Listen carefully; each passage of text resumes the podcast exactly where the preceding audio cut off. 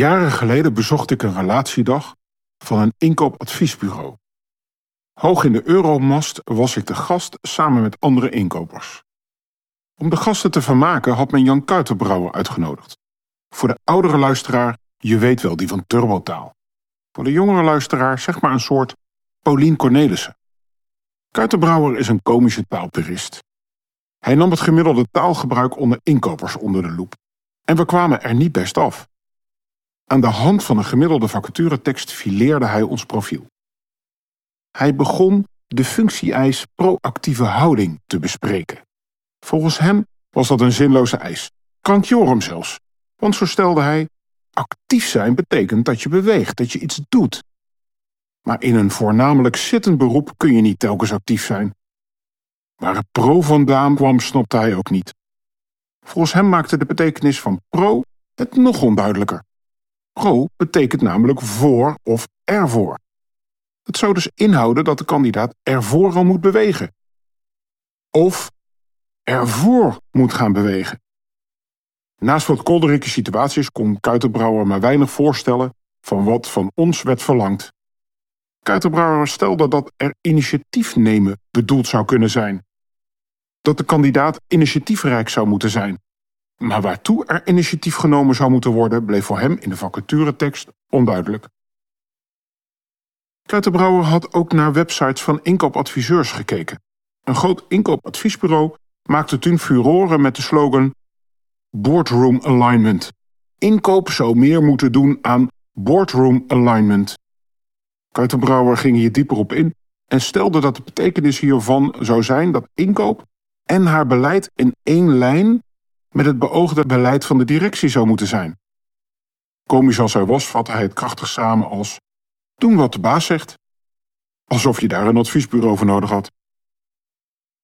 Ik haal deze herinneringen naar boven omdat taalgebruik alleen maar belangrijker is geworden. Zeker we nu allemaal toegang hebben tot kanalen om snel veel andere mensen te bereiken. Dat heeft de kwaliteit helaas niet veel goeds gedaan. Zo stoor ik me regelmatig aan allerlei uitingen op LinkedIn. Regelmatig verspil ik mijn tijd aan onbegrijpelijke teksten. Het geplaatste bericht is vaak niet eens ontdaan van irritante typfouten. Foutloos Nederlands blijkt maar voor een enkeling weggelegd. Leestekens worden standaard overgeslagen. Als ik mijn tijd steek in het lezen van jouw bericht, dan hoop je toch dat de boodschap overkomt. Het hoogtepunt vind ik de mensen die hun post starten met ik mocht. Herman mocht ergens aanwezig zijn. Marieke mocht een vergadering leiden. Henk mocht een contract tekenen. En Ingrid is nog opgewonden, want ze mocht haar zieke collega vervangen. Wie heeft ooit verzonnen dat jij dat mocht? Mocht het eerst niet dan? Had je de vrije keuze om ook iets anders te gaan doen, maar koos je toch hiervoor? Of moest het gewoon van je werk? Of erger, van je baas?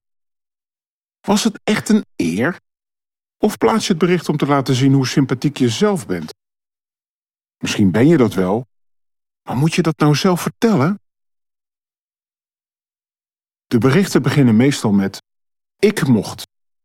Ik dus, ik. Ikke, ikke, ikke en de rest kan stikken.